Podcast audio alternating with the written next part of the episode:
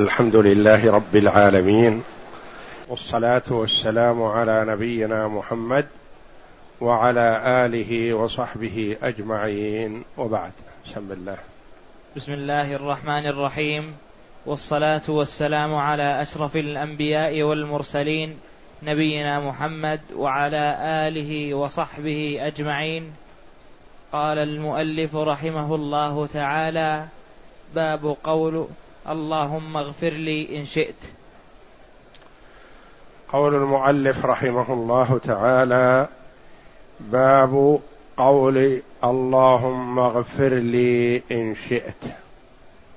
أي أن هذا لا يجوز وهل هو محرم أو مكروه؟ لأنه ينافي كمال التوحيد. وإنما على المسلم أن يسأل الله جل وعلا ويعزم في مسألته كما سيأتي في الحديث بعد الترجمة. نعم. في الصحيح عن أبي هريرة أن رسول الله صلى الله عليه وسلم قال لا يقل أحدكم اللهم اغفر لي إن شئت اللهم ارحمني إن شئت ليعزم المسألة فإن الله لا مكره له. في الصحيح أي في الحديث الصحيح والحديث هذا في الصحيحين. عن أبي هريرة رضي الله عنه أن رسول الله صلى الله عليه وسلم قال لا يقول أحدكم اللهم اغفر لي إن شئت اللهم ارحمني إن شئت ليعزم المسألة فإن الله لا مكره له. ينهى النبي صلى الله عليه وسلم الأمة أن يقول أحدهم اللهم اغفر لي إن شئت اللهم ارحمني إن شئت. ولكن عليه أن يعزم ويجزم ويظهر الافتقار إلى الله جل وعلا. فإن الله لا مكره له. قول المرء اللهم اغفر لي إن شئت اللهم ارحمني إن شئت. يفهم منه أمور لا تنافي لا تناسب أن تكون بين العبد وبين ربه. يفهم منه أشياء ما تليق أن تخطر على بال العبد وهو يسأل ربه. لأن قوله اللهم اغفر لي إن شئت يعني إن شئت فاغفر لي وإن لم تشاء فلا. ألح في هذا. وهذا يفهم من عدم الإلحاح وعدم الخضوع وعدم التضرع لله جل وعلا. أو كأن العبد يقول إن حصل هذا الشيء فبها وان ما حصل فلا حاجة إليه. أو كأن العبد يقول اللهم اغفر لي إن شئت يعني إن لم يكن عليك فيه إحراج أو مشقة فاغفر لي. وإن كان فيه عليك كذا فلا حاجة. ما أريد إحراجك ولا أريد إلزامك ولا أريد الإلحاح عليك بما يعجزك. وكل هذه منتفية في حق الله جل وعلا. أنت تقول للعبد أعطني كذا أو أقرضني كذا إن شئت.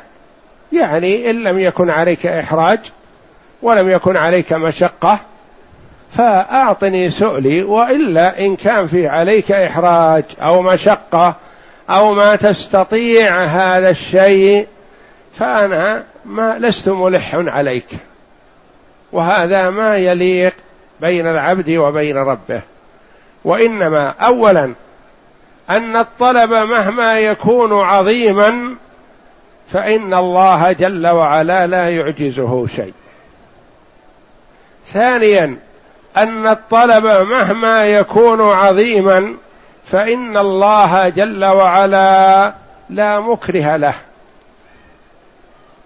يعني قد يكون الطلب عند المخلوق ليس بصعب عليه لكنه قد لا يوافق علي على ذلك رئيسه أو والده أو صاحب المال أو نحو ذلك.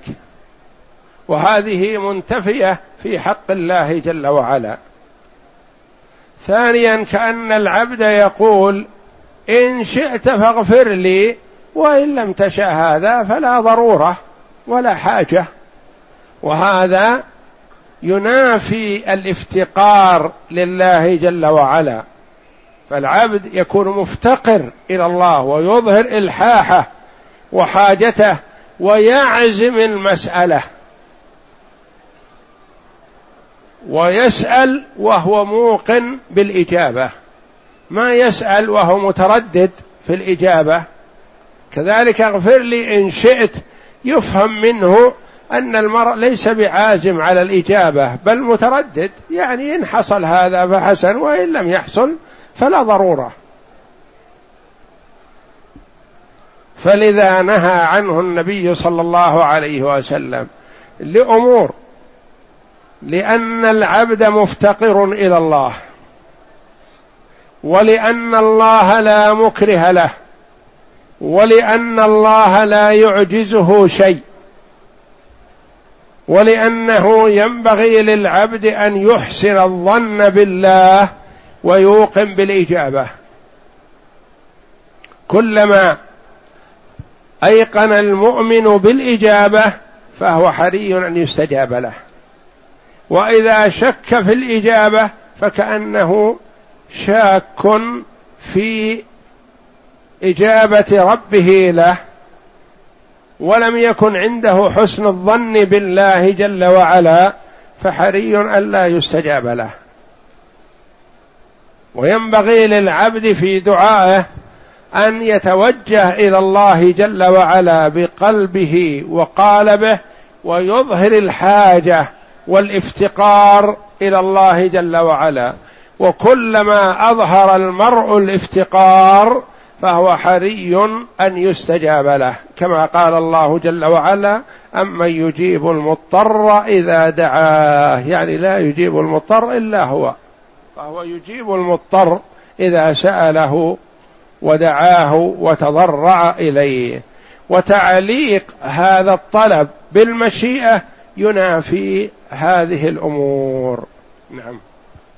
ولمسلم وليعظم الرغبة فإن الله لا يتعاظمه شيء أعطاه. ولمسلم في رواية مسلم رحمه الله يقول يعظم الرغبة. يعني تكون الرغبة إلى الله جل وعلا عظيمة وجازمة وملحة فإن الله لا يتعاظمه شيء أعطاه يعني ما يستعظم شيء. المخلوق إذا سألته مثلا ريال عشرة ريالات يمكن يعطيك. لكن إذا سألته مئة ريال قال ما تعذر. لأنه يستعظم هذا. أما الله جل وعلا فهو مهما سألته بالنسبة لك أنه عظيم فهو شيء سهل ميسور على الله جل وعلا. فيعطي آخر من يدخل الجنة آخرهم منزلة يعطيه مثل الدنيا وعشرة أضعافها من أولها إلى آخرها. هذا منزلة آخر من يدخل الجنة. فما بالك بالسابقين الأولين؟ فالله جل وعلا يعطي العطاء الجزيل وإذا سألت الله جل وعلا لا تسأل الدون وإنما اسال الاعلى كما قال النبي صلى الله عليه وسلم إذا سألتم الله فاسألوه الفردوس الأعلى. اسألوه الفردوس فإنه أعلى الجنة وسقفها عرش الرحمن. أعلى المنازل اسأل الله أعلى المنازل. ولا تحتقر نفسك تقول أنا لا أستحق أو يمكن لا يعطيني الله ذلك. اسأل الله جل وعلا والله جل وعلا يعطيك ويتفضل عليك. نعم. يقول المؤلف باب لا يقول لا يقول عبدي وأمتي.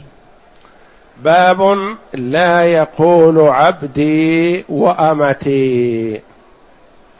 هذا فيه تنزيه لجناب الربوبية وأنه لا ينبغي أن يطلق على نفسه شيئا مما هو لائق بالله جل وعلا. فالخلق عبيد الله جل وعلا. ويقال فلان عبد الله. والمرأة يقال أمة الله.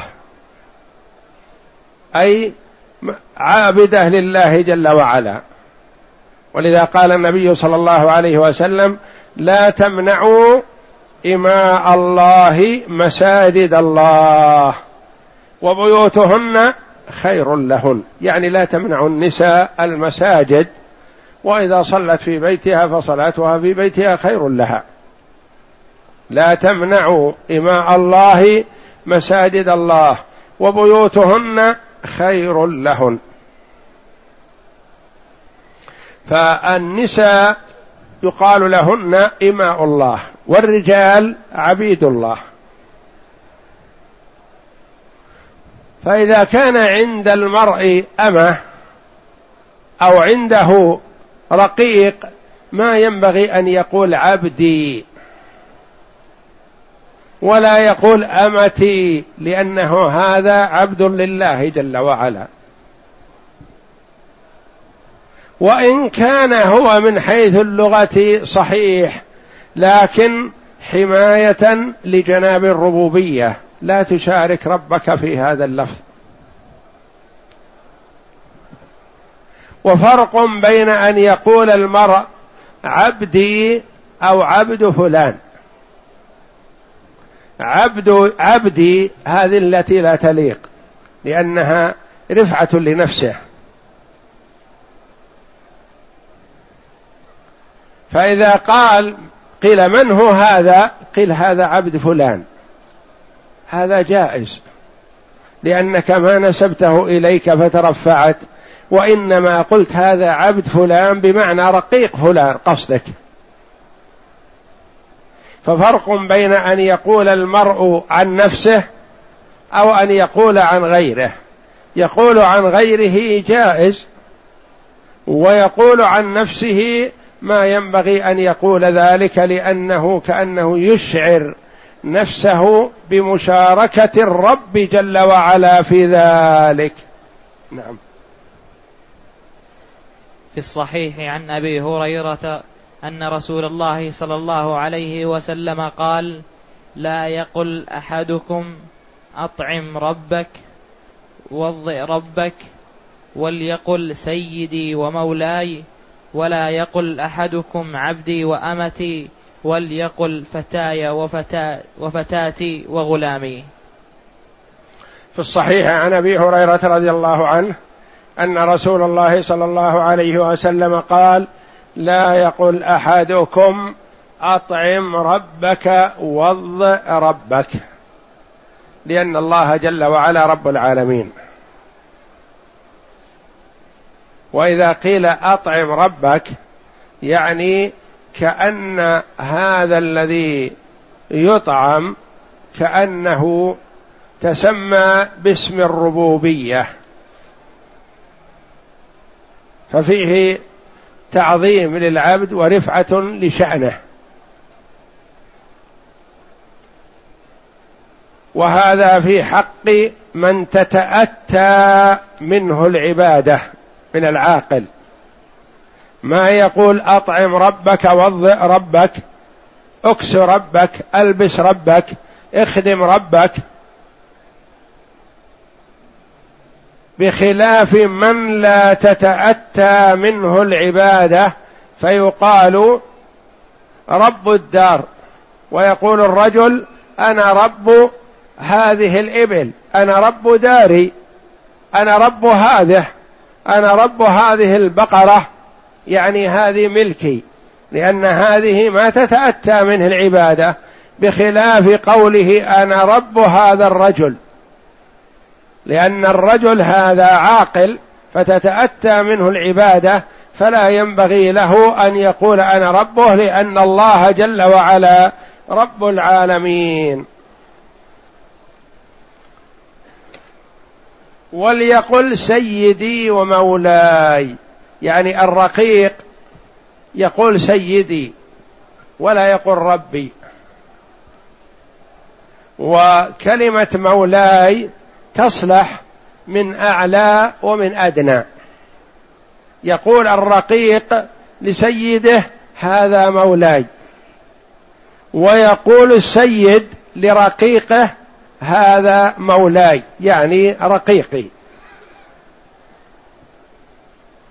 ولا يقل أحدكم عبدي وأمتي. لا يقل عبدي هذا عبدي لأنه نسب العبودية إليه. ولا يقل أمتي وإنما يقول فتاي وفتاتي لأن كلمة فتاة تختلف عن أمة. أمة تشعر بالعبودية وعبدي يشعر بالعبودية وفتاي وفتاتي مثل آه، رجالي ومثل خادمي ومثل رفيقي ومثل صاحبي. ما فيها إشعار بالعبودية والذل من مخلوق لمخلوق.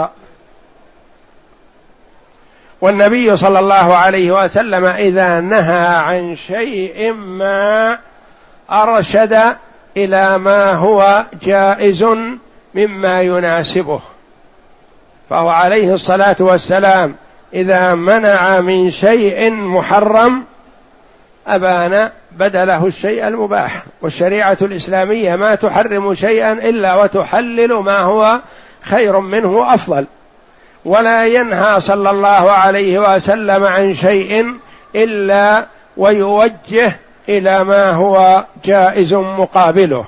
لا يقل عبدي وأمتي ولكن ليقل فتاي وفتاتي.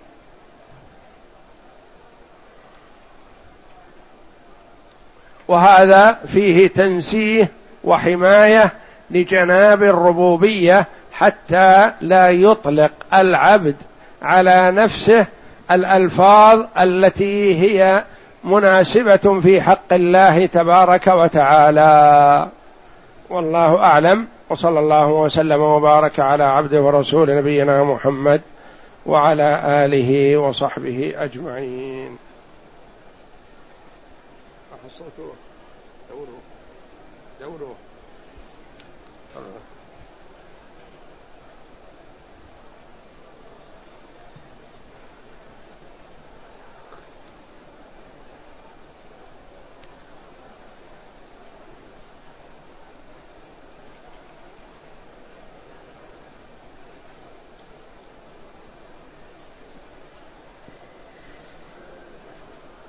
يقول السائل هل يصح أن أقرأ في صلاة الليل جهرا؟ نعم لك أن تقرأ جهرا ولك أن تقرأ سرا ولك أن تقرأ بين ذلك ولك أن تقرأ في المصحف ولك أن تقرأ حفظا. فالأمر فيه سعة والحمد لله.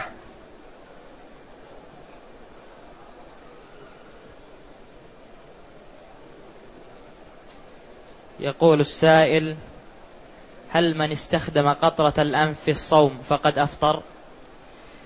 إذا أحس بالقطرة في حلقه أفطر لأن القطرة لأن الأنف منفذ منفذ إلى الجوف ويدخل الطعام معه أحيانا فهو منفذ فهو بخلاف الأذن والعين فالقطرة في الأنف مفطرة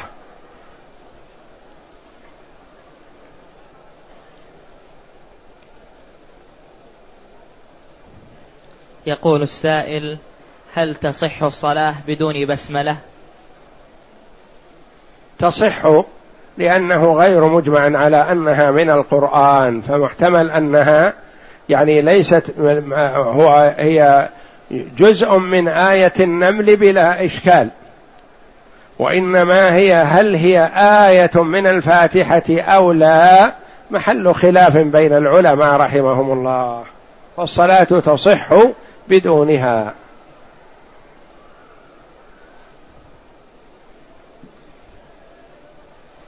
يقول السائل شخص يريد الحج ولكن عليه دين وماذا عليه؟ لو حج ولم يستأذن من له حق عليه. هذا لا يخلو. إن كان سيحج بهذا المال الذي هو مدين به فلا يجوز له ذلك. وإن كان سيحج بدون مال أو تكفل بحجه آخر فلا بأس عليه أن يحج ولو لم يستأذن. إيضاح هذا أكثر. إذا كان هو مدين بعشرة آلاف مثلا. وعنده سبعة آلاف ريال. ويريد أن يحج ونفقة الحج مثلا خمسة آلاف أو أقل أو أكثر. سيحج من هذا المبلغ الذي عنده. نقول لا يا أخي.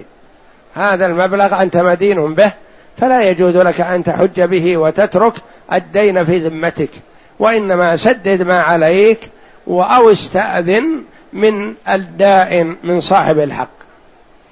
أما إذا كان هناك شخص سيتكفل بحجه أو سيحج بلا مال كمن كان في مكة مثلا ولا يكلف الحج كثير مال فلا بأس عليه.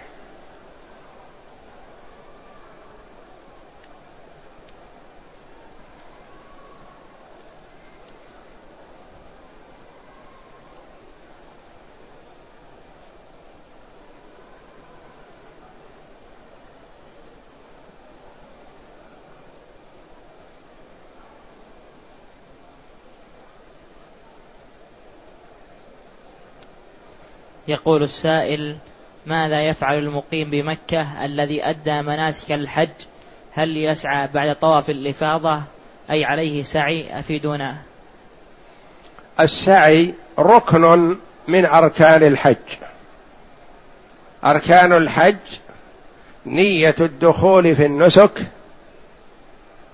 والوقوف بعرفة والطواف والسعي. أربعة أركان. لا بد من الاتيان بها لكل حاج. فالسعي واجب ركن على كل حاج من من يحج من مكة أو من غيرها.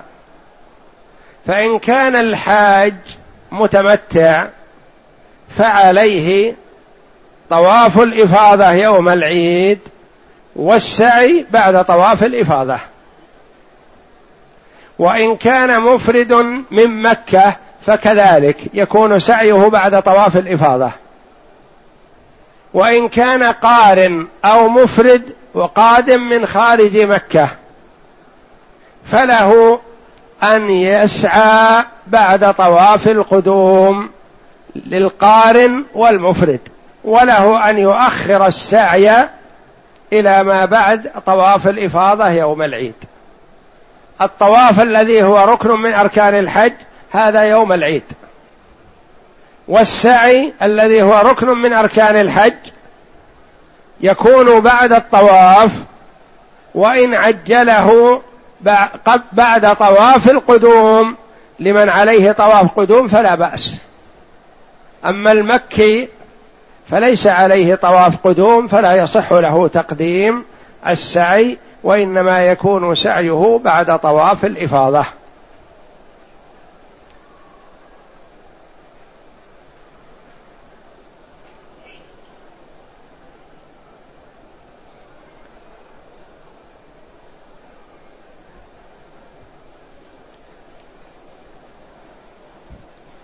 يقول السائل ما معنى قول لا يكتوون ولا يسترقون ولا يتطيرون وعلى ربهم يتوكلون.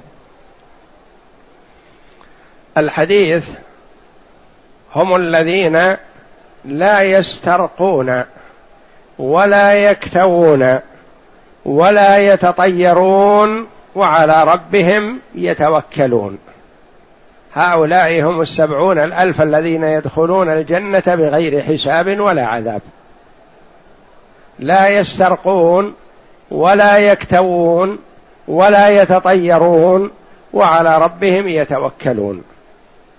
تركوا المباح وتركوا المكروه وتركوا المحرم اتكالا على الله جل وعلا. تركوا المباح التي هي الرقية.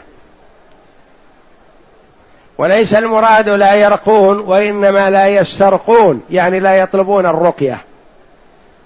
وفرق بين طلب الرقية وبين أن يرقى المسلم أخاه المسلم أو أن يرقى المرء بدون طلب منه.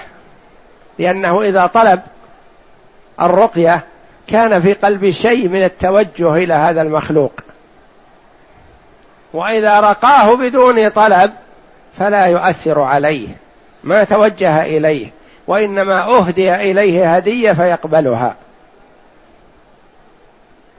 وجبريل عليه السلام رقى محمدا صلى الله عليه وسلم. ومحمد صلى الله عليه وسلم ما طلب الرقية من جبريل.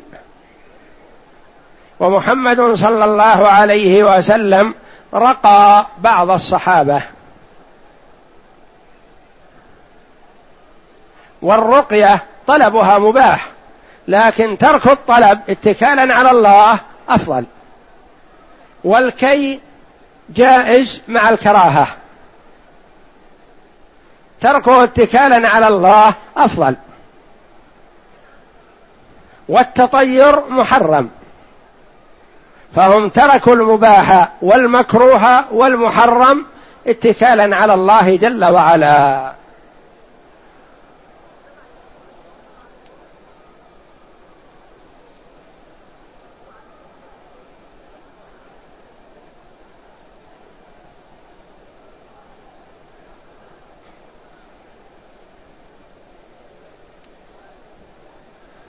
يقول السائل هل أجلس مع أبي وهو يستخدم السحر؟ لا يا أخي ما يجوز لك هذا. وعليك أن تعمل جهدك في إنقاذ أبيك من هذه الخصلة الذميمة. فالسحر من الكبائر ومن السبع الموبقات التي تهلك صاحبها وتوبقه في النار. ومنه ما هو كفر ومنه ما هو دون الكفر. فيه تفصيل. ولا يجوز لك أن تسكت على أبيك وأنت تعلم أنه يتعاطى هذا. اولا ناصحه أنت فيما بينك وبينه. سرا وتلطف به وارفق به قدر المستطاع وناصحه. فإذا لم يقبل منك فاستعن. بأن تراه يعينك على هذا. إن من يقدره أبوك ويعظمه ويحترمه. ثم تطور معه إلى أن ترفع أمره لمن يوقفه ويمنعه عن هذا من ولاية كالهيئة والآمرين بالمعروف والناهين عن المنكر أو ولاية القضاء أو غير ذلك. ولا تقره على فعل المحرم هذا فيهلك. وفعلك هذا من برك بأبيك. لا تظن أنك إذا أغضبته في هذا تكون عاق. لا أنت بار به تريد نجاته. كما قال عليه الصلاة والسلام انصر أخاك ظالما أو مظلوما. قال يا رسول الله هذا نصره إذا كان مظلوم؟ فكيف أنصره وهو ظالم؟ قال تمنعه من ظلمه. فأنت من برك بأبيك أن تسعى في إنقاذه من هذه الخصلة الذميمة.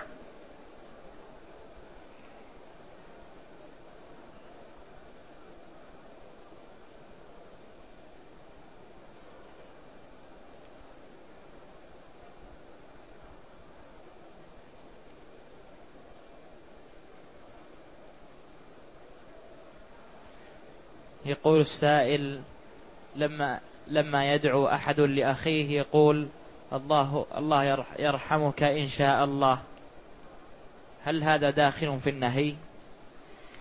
إذا كان على سبيل التردد فلا يجوز وإنما تدعو له بالرحمة وأنت موقن أنت وهو بالإجابة بإذن الله فلا تتردد إذا سألت الله شيئا ما وإنما تعلق بالمشيئة الأمر الذي تتردد فيه. تقول أجيئك إن شاء الله. أحاول أفعل نحوك كذا إن شاء الله. يعني في شيء مستقبل ما تدري تتمكن منه أو لا تتمكن. لكن تقول الله يرحمك إن شاء الله لا. قل الله يرحمك وادع له بالرحمة.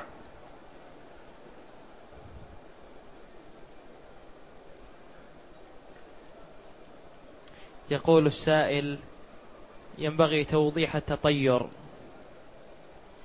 التطير الذي هو التشاؤم وأكثر ما يكون في الجاهلية في التطير بالطيور. يعني إذا خرج لحاجه ما وقابله طائر. إن قابله جاء من الأمام فله شأن أو جاء من اليمين فله شأن أو جاء من الشمال فله شأن أو جاءه الطائر من الخلف فله شأن. والطائر لا علاقة له بهذا ولا يدري عن شيء. والتشاؤم محرم يعني يقول مثلا إذا جاءه الطائر عن يمينه يقول هذا حسن وزين ويجزم بما أراد. وإذا جاءه الطائر عن شماله قال لا رجع. قال هذا مشؤوم هذا كذا هذا الأمر ما يتيسر فيتركه. وهذا لا يجوز. والتطير والتشاؤم ما أمضاك أو ردك. يعني فعلت من أجل ما رأيت من الطير. أو تركت من أجل ما فعل ما رأيت من الطير فهذا لا يجوز. وأما الفعل فحسن. الفعل أن تخرج لأمر ما فتسمع شخصا يقول ميسر مهيأ تيسر أمرك ونحو ذلك لو ما قصدك قصد غيرك فتقول هذا فعل حسن. والنبي صلى الله عليه وسلم في الحديبية لما منعه المشركون من دخول مكة وكانوا يرسلون من سفير إلى سفير ليتفاوض مع النبي صلى الله عليه وسلم ولا يتم الاتفاق على شيء. يأتي السفير ويتفاوض مع النبي فما يتفقون على شيء. فيرجع فيأتي غيره. فلما جاء سهيل رضي الله عنه أقبل سفيرا عن أهل مكة. قالوا يا رسول الله جاء سهيل بن عمرو. قال عليه الصلاة والسلام سهل أمركم. يعني تيسر الأمر بإذن الله. تفاءل من كلمة سهيل. فالفعل حسن والنبي صلى الله عليه وسلم يعجبه الفعل والتشاؤم محرم.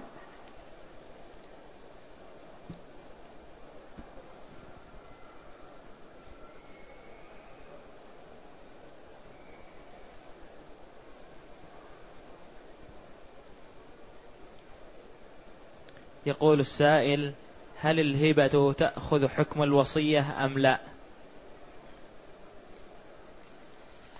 الهبة إذا كانت في مرض الموت فحكمها حكم الوصية إن كانت لوارث فلا تجوز إلا بإجازة الورثة أو كانت بأكثر من الثلث فلا تجوز إلا بإجازة الورثة فيما زاد على الثلث. وإن كانت لغير وارث بالثلث فأقل فهي تنفذ كما تنفذ الوصية.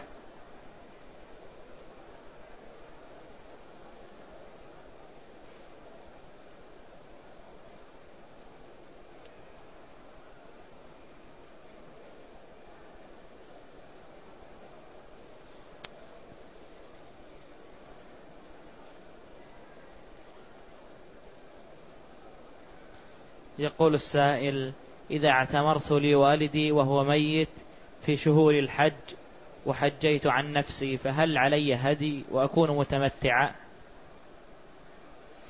إذا اعتمرت عن نفسك أو عن غيرك وحججت من نفس السنة عن نفسك أو عن غيرك يعني كان الحج لشخص والعمرة لشخص أو الحج والعمرة لشخص أو أي تنوع فيه وأنت لست من حاضر المسجد الحرام وكانت عمرتك في أشهر الحج التي هي شوال وذي القعدة والعشر الأول من ذي الحجة فأنت متمتع. ولم تسافر بينهما يعني بين العمرة والحج. أما إذا كانت عمرتك قبل أشهر الحج أو كنت من حاضر المسجد الحرام أو اعتمرت ثم سافرت إلى بلدك وجئت بحج مفرد فليس عليك في هذه الأحوال هدي.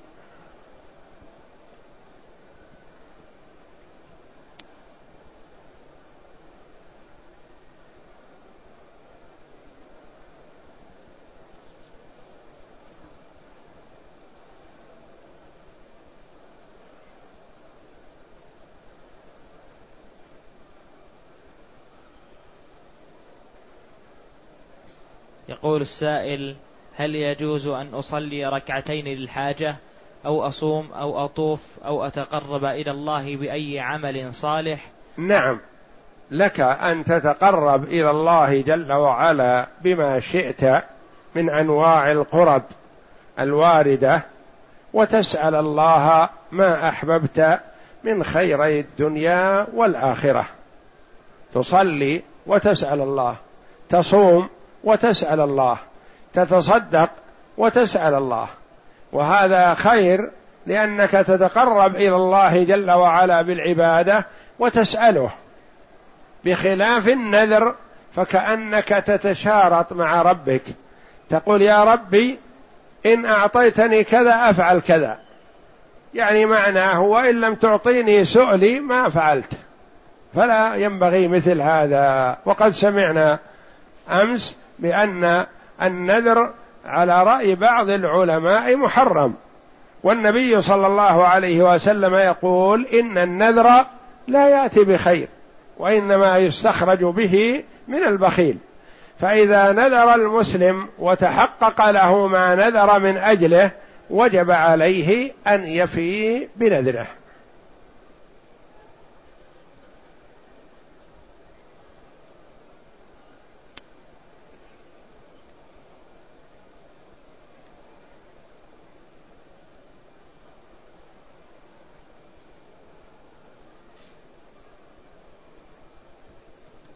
يقول السائل أنا من سكان مكة ووقفت بعرفة ونزلت ونزلت ورميت الجمرة أول يوم وثاني يوم وثالث يوم وكلت عني. القادر على الرمي ما ينبغي له أن يوكل وإنما عليه أن يرمي بنفسه والعاجز من امرأة أو صبي أو كبير السن أو مريض ونحو ذلك له أن يوكل. وما دام أن الوكالة سائغة وانت وكلت فلعله لا شيء عليك إن شاء الله ولا ينبغي أن يتكرر مثل هذا. لأن هناك فرق بين أن يكون المرء عمل وبين أن يسأل هل يعمل. يقول أوكل نقول لا يا أخي لا توكل. وإنما ارم بنفسك. ولو أخرت الرمي إلى اليوم الثالث عشر من أيام التشريق ورميت بنفسك يكون خير لك من أن توكل وأنت قادر. ويرى بعض العلماء أنك إذا وكلت وأنت قادر فالوكالة غير صحيحة.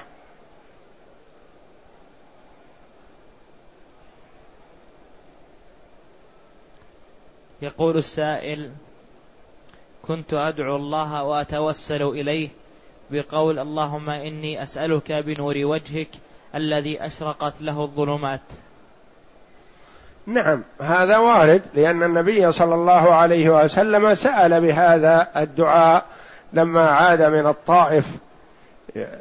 بعدما رد رد عليه أهل الطائف ردا شنيعا سيئا توجه إلى مكة صلى الله عليه وسلم ودعا بهذا الدعاء فتسأل الله جل وعلا بأسمائه الحسنى وصفاته العلى وتوسل إلى الله جل وعلا بالاسم المناسب لمطلبك.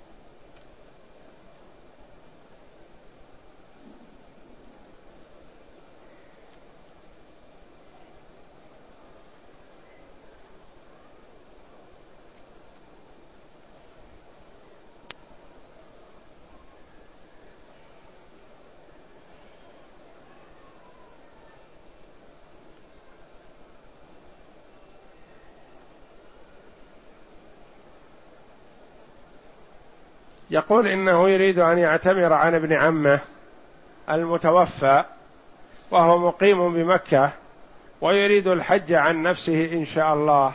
هل يلزمه هدي أقول إذا كان ساكن بمكة من سكان مكة من حاضر المسجد الحرام فليس عليه هدي.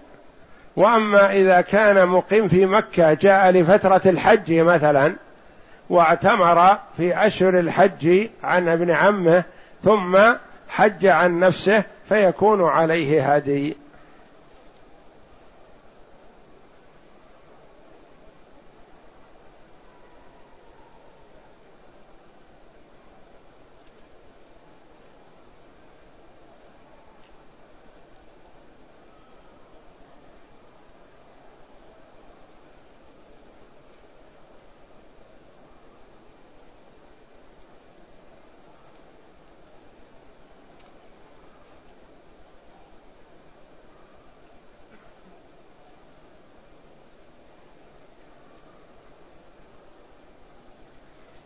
يقول السائل ما معنى قوله تعالى قالوا نفقد صواع الملك ولمن جاء به حمل بعير وأنا به زعيم؟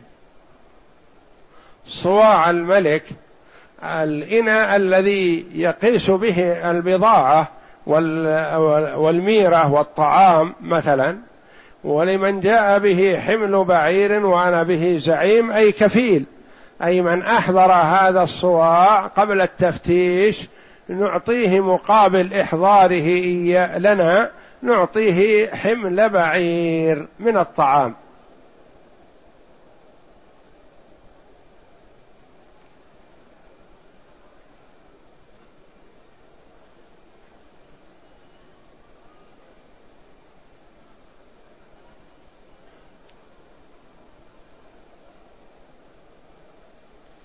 يقول السائل من جاء بعمرة في رمضان من بلده وبقي في مكة إلى الحج ثم يعود إلى بلده هل إذا قام بعمرة في أشهر الحج للتمتع هل يكون عليه هدي؟ إذا اعتمر في رمضان وبقي إلى الحج وحج فليس عليه هدي وإن جاء في رمضان واعتمر ثم اعتمر في أشهر الحج في شوال أو في ذي القعدة أو في العشر الأول من ذي الحجة وحج من نفس السنة وليس من حاضر المسجد الحرام وإنما هو من القادمين إلى مكة لغرض الحج والعمرة فيكون عليه هدي. فإن استطاعه فبها وإلا صام ثلاثة أيام في الحج وسبعة أيام إذا رجع. ولا ينبغي للمسلم أن يتهرب من هدي التمتع. لأن هدي التمتع شكر لله تبارك وتعالى بخلاف هدي الجبران فحاول أن تتخلص منه لأن هدي الجبران يلزمك متى؟ إذا تركت واجبا أو فعلت محظورا. واحرص على ألا تترك واجب ولا تفعل محظورا فتتخلص من هدي الجبران. وأما هدي التمتع فاحرص عليه وهو قربه لله جل وعلا وشكر له حيث يسر لعبده الحج والعمرة في سفرة واحدة. ومثل ذلك القرآن هدي القرآن.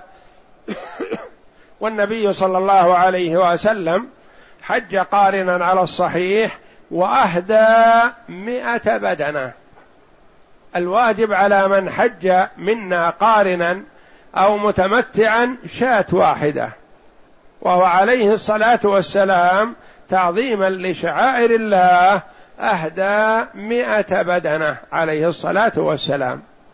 نحر بيده الشريفة ثلاثا وستين بدنة ووكل علي رضي الله عنه في نحر ما بقي من المئة عليه الصلاة والسلام.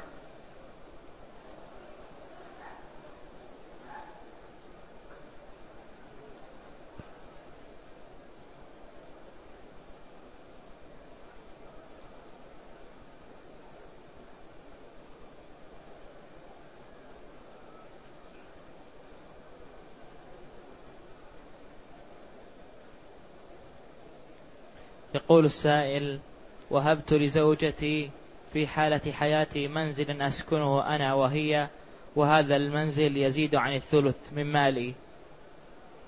علما بأني كنت ملكت ملكت ملكتها الهبة وهل الهبة هل إذا مت تقسم يقسم البيت تبع تبع الإرث؟ أولا ما يجوز للمسلم أن يعطي من ماله شيئا بقصد حرمان الوارث. يعني إذا قصد حرمان الوارث قال مثلا أنا ما يرثني إلا بنت والباقي لأبناء عم بعيدين. أنا أسجل العقار باسم بنتي أسجل العقار باسم زوجتي. هذا ما يجوز له ويحرم عليه لأنه تحيل على حرمان الوارث من ميراثه. أما إذا أراد إعطاء زوجته شيئا ما في حال حياته وصحته مكافأة لها على خدمتها وعلى قيامها بشؤونه وعلى صبرها على في حال فقره وحاجته أو صبرها عليه في حال مرضه أو نحو ذلك أعطاها شيء فلا حرج عليه. يعطيها بيت أو أكثر من بيت ولو أنه لا يملك إلا هذا البيت. في حال الصحة لك أن تعطي من مالك ما شئت بشرط ألا تقصد حرمان الوارث. وبشرط ألا يكون في العطاء هذا جور يعني تعطي بعض الأولاد دون بعض. هذا جور.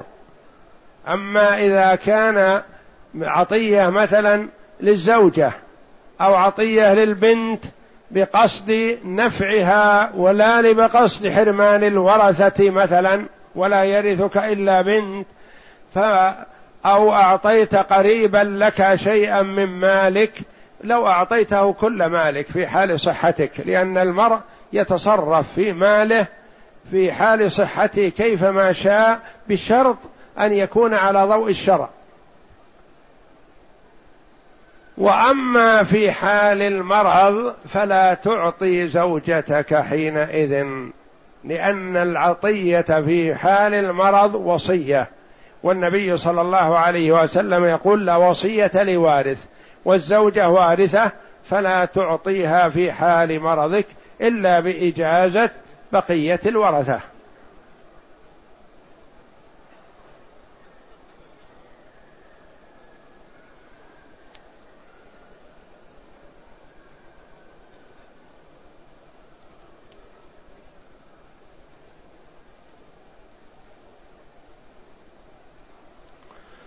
تقول السائلة بعض النسوة هداهن الله لا تحتجب في الحرم ويقال لها فتقول ما تحتجب المرأة في الحرم. وهذا جهل منها حينما تقول لا تحتجب المرأة في الحرم. الواجب على المرأة المسلمة أن تحتجب عن الرجال الأجانب في أي بقعة من البقاع سواء كانت حلال أو محرمة. فالنبي صلى الله عليه وسلم في حجة الوداع معه أمهات المؤمنين رضي الله عنهن.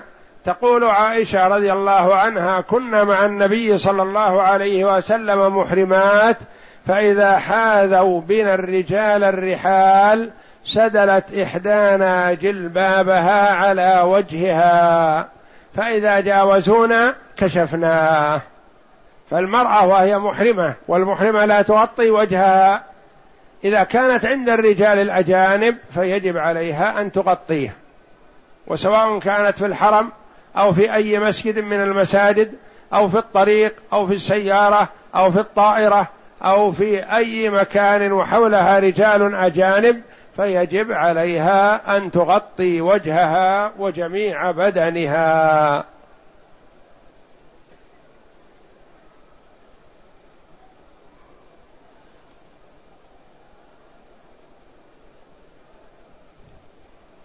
يقول السائل هل تقسم.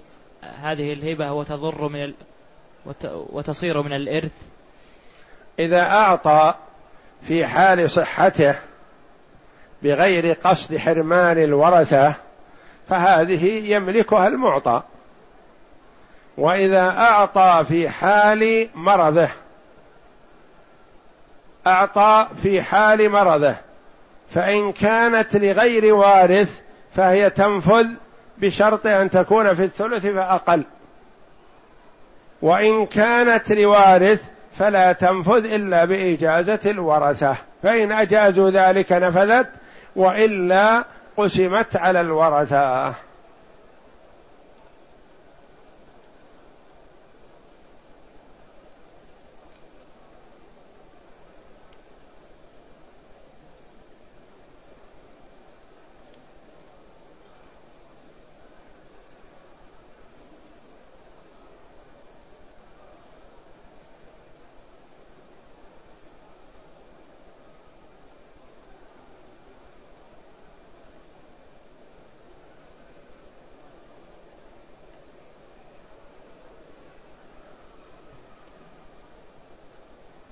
يسأل عن الطلاق والطلاق يرجع فيه إلى الحاكم الشرعي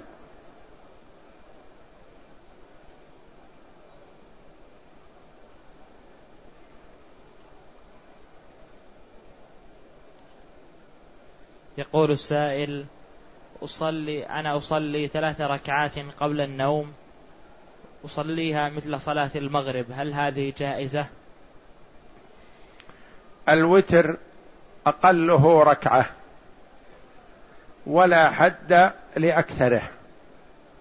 والأفضل للمسلم أن يواظب على وتر النبي صلى الله عليه وسلم.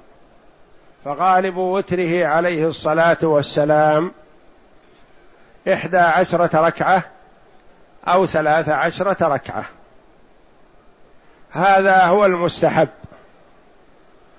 وإحدى عشرة ركعة أو ثلاث عشرة ركعة ممكن يصليها في نصف ساعة وممكن يصليها في خمس أو ست أو أكثر ساعات بحسب إطالة القراءة والركوع والسجود.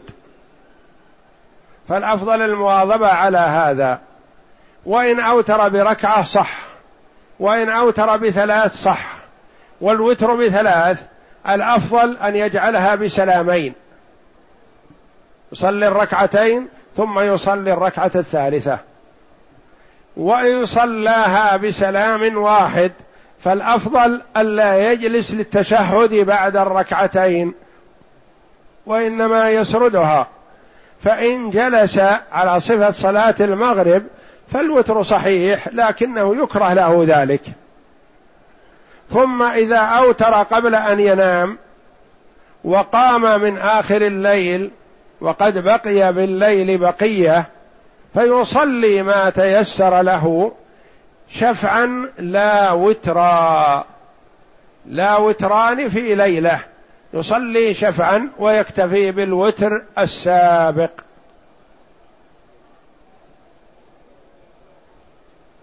يقول السائل هل راتب الميت للزوجة فقط أم هو للورثة كلهم؟ ما استحقه الميت من خدمات قبل موته فهذا يقسم على الورثة بحسب الميراث. وأما ما استحق من راتب تقاعدي فهذا تتولى قسمته مصلحة معاشات التقاعد. لأنه كهبة وتكافل وتضامن اجتماعي من الدولة لورثة المتوفى هذا فهو حسب ما يقسم بينهم.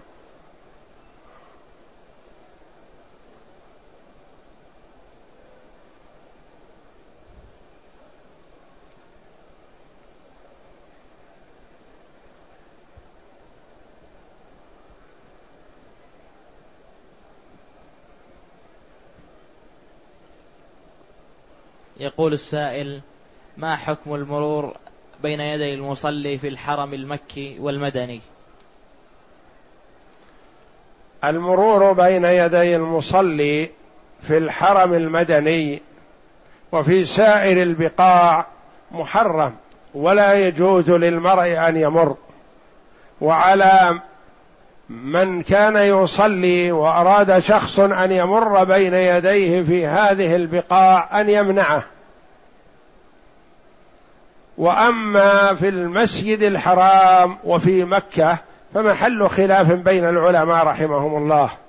بعض العلماء يرى أنه لا بأس بالمرور بين يدي المصلي في مكة وفي المسجد الحرام لأن النبي صلى الله عليه وسلم قد جاء أنه كان يصلي والطائفون يمرون بين يديه.